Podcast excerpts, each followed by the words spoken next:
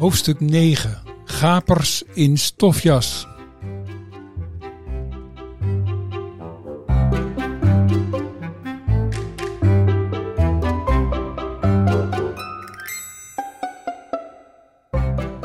De eerste keer dat ik de naam van der Pigge hoorde, was op een dag in 1956, toen een vriendje mij op weg van school naar huis probeerde uit te leggen wat kapotjes waren.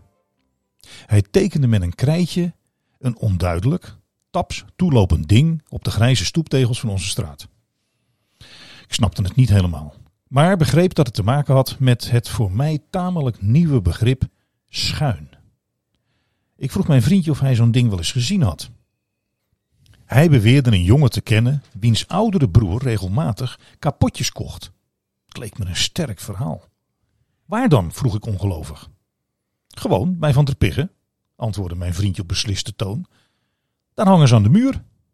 Ik wist waar Van der Piggen was.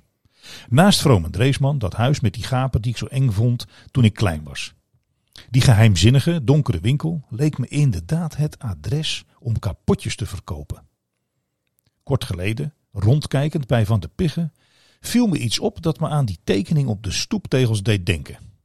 De antieke trechters die sinds mensenheugenis achter in de winkel hangen. Na meer dan veertig jaar viel het vriendje alsnog door de mand. Het verhaal dat hij me destijds vertelde klopte in meer opzichten niet. In het katholieke bolwerk dat Haarlem in 1956 is, verkoop van de piggen van alles, maar beslist geen kapotjes. De verkoop van condooms wordt door allerlei regels tegengehouden. Voornamelijk onder de druk van kerkelijke zijde. In de katholieke Nieuwe Haarlemse Courant stonden voor de oorlog kleine advertenties met leuzen als Katholieken koop niet bij uw zaken waar men onzedelijke of neo-Malthusiaanse artikelen verhandelt. Die mentaliteit veranderde niet van de een op de andere dag. Op een lyceum in de buurt wordt omstreeks 1963 een jongen betrapt die een condoom op zak heeft. Hij wordt onmiddellijk van school verwijderd. Als in de jaren 60 de seksuele revolutie nadert, probeert de firma Durex in te spelen op de veranderende opvattingen. Anton van Os krijgt wel eens een proefzending toegestuurd. Hij ontsteekt stevast in grote woede, zondert zich af in zijn kantoor en knipt de preservatieven met een nagelschaartje in kleine stukjes. Zoon en opvolger Jan van Os krijgt ook met Durex te maken in de persoon van een vertegenwoordiger. Of hij niet een automaat aan de gevel wil hangen. Natuurlijk willen ze rekening houden met het historische karakter van de zaak. Van Os kan het precies zo krijgen als hij het hebben wil. Hij mag het zeggen. Waarop Jan nauwkeurig omschrijft hoe een historisch verantwoorde condoomautomaat eruit moet zien. Als een gaper met een gleuf in zijn hoofd. En als je daar dan geld in gooit, doet de gaper zijn mond open en komt zijn tong naar buiten met een pakje Durex. De vertegenwoordiger blijft opgewekt grijnzen. Jan heeft nooit meer wat van hem gehoord. Vragen is er af en toe wel naar. Op zekere dag verschijnt er een verlegen jongeman die zich eerst wat schutterig in de deuropening ophoudt en pas als er geen andere klanten in de winkel zijn, naar de toonbank toeduikt. Heeft u een pakje Durex? vraagt hij fluisterend. Hij heeft toevallig Joop van Velzen voor zich, een wat hardhorend lid van het personeel. Jazeker meneer, ik zal het even voor u halen, roept Van Velzen opgewekt. Hij spreekt wat luid, zoals hardhorende mensen vaak doen. De jonge man krimpt in elkaar en wacht verzenuwd aan de toonbank, telkens achterom kijkend of er niemand binnenkomt. Daar is de brave Joop weer. Alsjeblieft meneer, schreeuwt hij vrolijk en zet met een zwierig gebaar een pak biotex op de toonbank. Dat is dan één gulden, meneer. De ongelukkige jongen krijgt een vuurrood hoofd, maar weet niet anders te doen dan die gulden neer te leggen en hals over kop de zaak te verlaten met zijn biotex. Zijn meisje zal vreemd hebben opgekeken. De vanzelfsprekende toon waarop mijn vriendje gewoon bij Van der Piggen had gezegd, heb ik nog vele malen gehoord. Zodra er sprake is van vreemde ouderwetse dingen zoals wijnsteenzuur, ossengal, waterglas of Arabische gom, en je vraagt waar je zoiets in hemelsnaam nog kunt krijgen, dan antwoordt iedere echte Haarlemmer zonder aarzelen gewoon bij Van der Piggen. Al 150 jaar lang. In dit kleine drama van kerkelijke gehoorzaamheid en ontluikende liefde speelt Joop van Velzen een rol. Eén van de mensen die in de tijd van Jan van Os en zijn vader bij de firma in dienst zijn. Het personeel van de firma van de Piggen is al even merkwaardig als de zaak zelf. Wij leven niet meer in een tijd dat mensen van 9 tot 5 hetzelfde werk doen, jaar in jaar uit, om bij hun pensioen met een toespraakje van de directie en een goedkoop horloge te worden afgedankt. Tegenwoordig lijkt de carrière van de gemiddelde werknemer op een stoelendans. Iedereen huppelt van de ene baan naar de andere. En wie jaren achter elkaar bij dezelfde werkgever blijft, loopt zelfs gevaar als maatschappelijk minder geslaagd te worden beschouwd. De samenstelling van het personeel heeft bij drogisterij A.J. van der Piggen altijd berust op een net zo'n eigenaardige traditie als de inventaris van de winkel. Het assortiment en de verzameling gapers van Anton van Os. Het personeel hoort bij de zaak als de geur van kruiden en specerijen. Bij het 100-jarig bestaan in 1949 zijn alle personeelsleden ten eerste van het mannelijk geslacht, ten tweede katholiek en ten derde meer dan 25 jaar in dienst. Sommigen zelfs bijna een halve eeuw.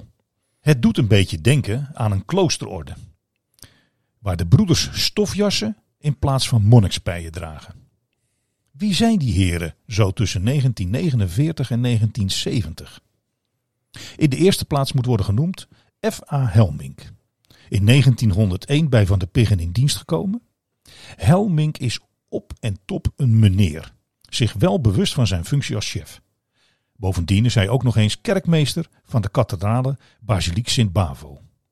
Toen Johannes van Os in 1910 kwam te overlijden, was het Helmink die de zaak draaiende hield en de steun en toeverlaat was van de jonge Anton van Os en zijn moeder.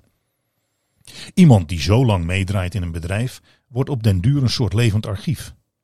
Van Helmink is de informatie afkomstig waarmee het eerder geciteerde feestelijk rijm in elkaar is gezet dat in 1947 door het personeel aan Anton van Os wordt aangeboden. Op de dag dat deze 40 jaar in de zaak is. Een stuk van het rijm. Wanneer ik dan in deze taal een enkel voorval hier verhaal, is het van het horen van onze chef die het weten kan. Hij bracht u toen wel naar school en hadden samen dikwijls jool. Wanneer u ging naar de ijsbaan, waren de dubbeltjes er voor die tijd al aan. Al eerder is Joop van Velzen genoemd. Hij is winkelbediende en maakt ook de 50 dienstjaren vol, net als Helmink. Dat van Velzen, tamelijk hardhorend, volgens sommigen zelfs doof is, vormt blijkbaar geen beletsel. Behalve voor jongetjes die kapotjes willen kopen. Jan van Soest is de kruidenspecialist, meestal in het magazijn boven de winkel te vinden. Anton Bouwman is eveneens winkelbediende. De man die vaak bezig is met drophakken heet Gerrit Rolvers. Van der Pigges gehakte laurierdrop is jarenlang een specialiteit van de zaak. De drop wordt in grote stukken aangeleverd, enigszins warm gemaakt in een spiritusvlam en daarna in stukjes gehakt. Ten slotte de pakhuisknecht, Hans Konst. Hij is belast met het transport van en naar de pakhuizen in de Vijfhoek en het afleveren van bestellingen. Hij spoelt ook de lege flessen om die hij bij de pastoors van de Haarlemse kerken ophaalt en waar miswijn in heeft gezeten. Zoon Jan van Os is in zijn jonge jaren zeer bedreven in het bij elkaar gieten en opdrinken van de restjes uit die flessen. Hij herinnert zich dat het goede wijn was. Uiteraard, want bocht kan onmogelijk voor het bloed des heren doorgaan. Hans Konst wordt in 1929 op de Leidse vaart bij de Schouwsjesbrug met zijn handkar van de sokken gereden door een automobilist die verblind is door de koplampen van een tegenligger. Konst loopt een gebroken been op en is altijd enigszins mank gebleven. Uit het bericht in de krant valt op te maken dat er tegen het einde van de jaren twintig herhaaldelijk ongelukken gebeuren omdat autobestuurders vergeten te dimmen. Waarschijnlijk is dat een technisch nieuwtje en moeten de mensen er nog aan wennen. De automobilist in kwestie is na het ongeluk gewoon doorgereden. Ook dat is dus niets nieuws. Deze vijf heren vormen het gezelschap dat in 1924 bij het 75-jarig bestaan van de zaak naar Marken en Volendam gaat. 25 jaar later is er niets veranderd. In 1951 viert Helmink zijn gouden jubileum, 50 jaar bij Van der Piggen. Ook zijn collega's hebben het lang volgehouden. Een artikel over de zaak dat in 1964 in een vakblad verschijnt, vermeldt als bijzonderheid dat de oudste bediende al 53 jaar in de winkel staat en twee van zijn collega's respectievelijk 43 en 40 jaar. Meer dan drie leden van het personeel hebben op de duur meer dan 50 jaar bij Van der Piggen gewerkt. De talrijke jubilea leveren heel wat feestjes op. In 1926 is het weer eens zover. F.A. Helmink is dan 25 jaar in dienst.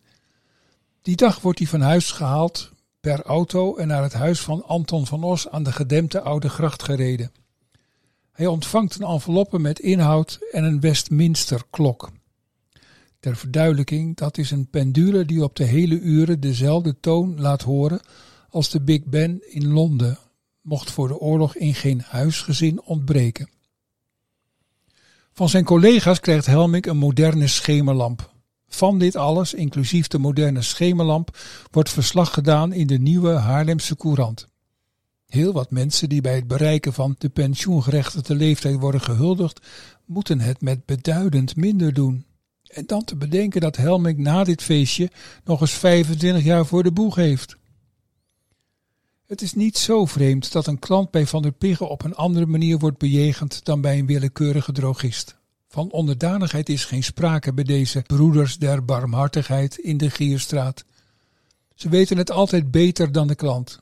Die moet niet eigenwijs zijn. Gewoon goed luisteren en niks zeggen, dan komt alles in orde. Zulke indrukwekkende persoonlijkheden zijn in hedendaagse winkels uitgestorven. Dergelijke prehistorische mammoets zijn onmogelijk te vervangen door een pruidelig meisje dat haar studiebeurs probeert aan te vullen achter een elektronische kassa. De toverlantaarn is helaas de enige die inzicht kan verschaffen in het personeelsbestand van voor 1900. De ingewikkelde loonadministratie die de inhouding van loonbelasting en premies met zich meebrengt, is dan nog niet uitgevonden. Vanuit historisch oogpunt wel jammer, want daarom hebben we geen archiefmateriaal. Het zal er wel niet veel anders zijn toegegaan dan in latere tijden. Waarschijnlijk zijn er steeds een paar winkelbedienden geweest en een pakhuisknecht of een loopjongen. Door de bewerkelijke aard van de ware en het kleine oppervlak van de winkel is het noodzakelijk om met vrij veel mensen te werken. Onwillekeurig vraag ik me af wat er geworden zou zijn van Frans, de weesjongen die in 1851 zo graag naar de kermis wilde. Misschien is hij nog een jaar of twee bij Antonie van de Piggen blijven werken, tot hij meerderjarig was en zijn geld kreeg van het weeshuis. Daarna moest hij op eigen benen staan. Hij lijkt me te ongedurig om in het dode stadje Haarlem te blijven hangen. Hij was eerder een jongen die op een mooie dag naar Amsterdam gaat en aan boord stapt van een schip. Zijn opvolger was Pieter. Die van de Piggen dit keer niet van het Sint-Jacob Godshuis betrok, maar van de gereformeerde diaconie. Naar de reden van die kerkelijke ommezwaai valt alleen maar te gissen. Misschien dat de verzuiling nog niet zulke proporties had aangenomen. Antonie van de Piggen had tenslotte zelf bij een hervormde apotheker gewerkt. In ieder geval zijn Frans en Pieter niet alleen maar lantaarnplaatjes. Ze hebben wat degelijk bestaan, getuigen de twee kwitanties die in het archief van de drogisterij bewaard zijn gebleven. Winkelpersoneel wordt omstreeks 1850 niet erg royaal betaald, maar het loon van deze jongens is wel heel schamel. Het is zelfs nog minder dan wat ongeschoolde arbeiders verdienen. Nogal logisch dat de weeshuizen door de ondernemers als uitzendbureau gebruikt worden. Dat Frans Lijnkamp en Pieter van Honschoten weesjongens zijn geweest, is overigens een veronderstelling. Zeker weten doen we het niet. Previnair en andere textielfabrikanten laten ook bejaarde mannen uit het Sint-Jacobs of de diaconie allerlei klusjes doen, net als sommige particulieren. Zie Keesje, het diakenhuismannetje uit de Camera Obscura, die als manusje van alles bij meneer Staastok werkt. Het is allemaal pure uitbuiting volgens onze maatstaven. Dat oordeel is gemakkelijk te vellen, maar de maatschappelijke opvattingen die omstreeks 1850 algemeen zijn, gaan uit van een door God gewilde tweedeling in rijk en arm. Arm zijn hoeft niet tot verpaupering te leiden, maar door onmatigheid, zedeloosheid en vooral drankzucht veroorzaken de armen zelf die ellende. Naaste liefde is natuurlijk een christelijke plicht, vooral voor de rijken, maar recht kunnen paupers daar niet op laten gelden. evenmin als weeskinderen en oude mensen dat kunnen. Die zijn van anderen afhankelijk en kosten dus geld, al is het dan buiten hun schuld. Instellingen als het Sint-Jacobs en de diaconie zijn derhalve bepaald geen vakantieoorden. Weeskinderen en bejaarden leven onder een gruwelijk regime en worden dag en nacht met hun neus op een maatschappelijke nutteloosheid gedrukt. Onderwijs aan de kinderen uit de arme buurten wordt wel met veel hoogdravende taal ingevoerd, maar is niet in de eerste plaats bedoeld om de kinderen meer kansen te bieden, eerder om ze in te prenten dat ze met weinig tevreden moeten zijn. Met een grote sprong ontvluchten we die goede oude tijd om in het hedendaagse Haarlem terug te keren en door de stad te wandelen naar het punt waar de gedempte oude gracht, Verwulft, Botermarkt en Gierstraat elkaar ontmoeten. Naar de drogisterij van de Piggen. Het is me overigens gebleken dat niemand in staat is zich het Verwulft voor de geest te halen zonder vrome Dreesman. Probeer het maar eens. Wie op een doordeweekse middag de winkel binnengaat, moet niet te grote stappen nemen. Er staat vaak een rij klanten en zo groot is de ruimte niet.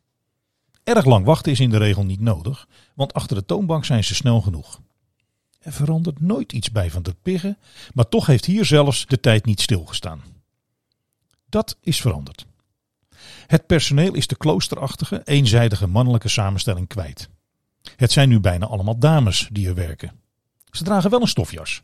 Die traditie wordt nog altijd gehandhaafd en is evenmin uit te roeien als de gewoonte van sommige klanten om meneer van de Piggen te zeggen zodra ze een man in een stofjas ontwaren. Of het nu Jan Hogevorst of Menno van Os is. Zouden er ook wel eens mensen zijn die mevrouw van de Piggen zeggen tegen een van de dames? Of hebben we te maken met een collectieve herinnering die van generatie op generatie overgeleverd is? Vraag het maar aan Yvonne van Velzen, Pien Rothuizen of Marlies Woerde. Die weten het beter dan ik. U mag het ook aan de twee heren zelf vragen. De oudere heet Jan Hogervorst. Hij staat sinds 1962 achter de toonbank. Dat is naar Van der Piggen maatstaven gemeten, dus nog maar heel kort. De jongere meneer is Menno van Os, die in 1993 de fakkel overnam van zijn vader. Hij is de vierde van Os die de drogisterij beheert en gerekend vanaf de oprichter Anthony Johannes de vijfde generatie in lijn.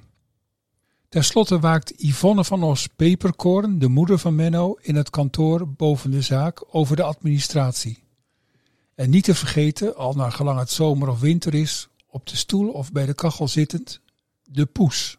Onmisbaar in deze voor muizen maar al te aantrekkelijke zaak.